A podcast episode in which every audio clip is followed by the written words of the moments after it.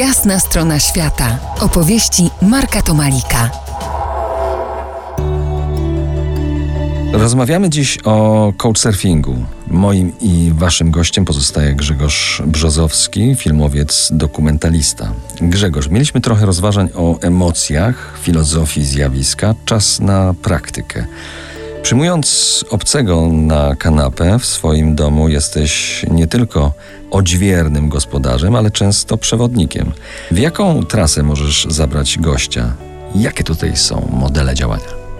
Y, taka trasa często rodzi się w negocjacjach pomiędzy tym, czego gość oczekiwał przyjeżdżając do, do, danego miasta, a tym, co gospodarz chce mu zaoferować. A to, co chce zaoferować, to jest najczęściej jego bardzo taka intymna trasa miejsc ulubionych, miejsc, które są nierzadko bardziej ciekawe od tych pozornie najbardziej widowiskowych. I właściwie podążamy czyjąś prywatną ścieżką, wchodzimy za, pod podszewkę miasta, które odwiedzamy, co jest niesamowitą przygodą. To może być właśnie pretekst do pokazania miejsc dla ciebie jako gospodarza subiektywnie ważnych, a przez to bardzo alternatywnych. Rzeczywiście, y, w moim pierwszym filmie realizowanym jeszcze w czasie studiów w szkole Wajdy śledziłem właśnie taką wędrówkę couchsurfera z Holandii ze swoją przyjaciółką z Niemiec, którzy, której pokazywał swoją ulubioną trasę po warszawskiej Pradze. To była właściwie trasa jak najdalsza od takich wycieczkowych, standardowych trajektorii.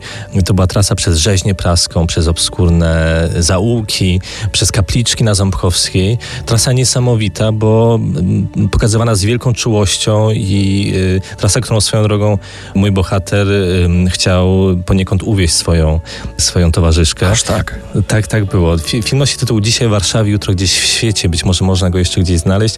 No, y, hi historia była troszkę romantyczna, troszkę podróżnicza, ale to też dzieje się w ramach couchsurfingu. Znaczy nierzadko może być tak, że przez miasto też poznajemy drugą osobę na tyle, że rodzi się z tego coś więcej i na dłużej. A będąc po drugiej stronie, nie gospodarza, a gościa, trafiłeś innymi na farmę antropozoficzną. Gdzie to było i co to takiego jest?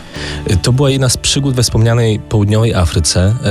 E, zdarzyło się, że moja gospodyni po prostu zabrała mnie do swojej siostry, która jak się okazało prowadzi bardzo alternatywną farmę, e, farmę inspirowaną naukami Rudolfa Steinera, antropozofa, e, w której zaskoczyło mnie chociażby to, że w oborach, w których przebywały krowy są umieszczone witraże, ponieważ mają one zapewnić krowom wrażenia estetyczne do, niezbędne do tego, aby krowy mogły wyprodukować nawóz, który następnie użyźni całą tę okolicę. Jest to jedno z założeń teorii rolnictwa Rudolfa Steinera, która swoją drogą była wygłoszona pierwszy raz e, w 1924 roku pod Wrocławiem, a ja dowiedziałam się o niej będąc w RPA. To jeszcze nie koniec. Za kilka muzycznych chwil powrócimy do rozmowy. Zostańcie z nami po jasnej stronie świata.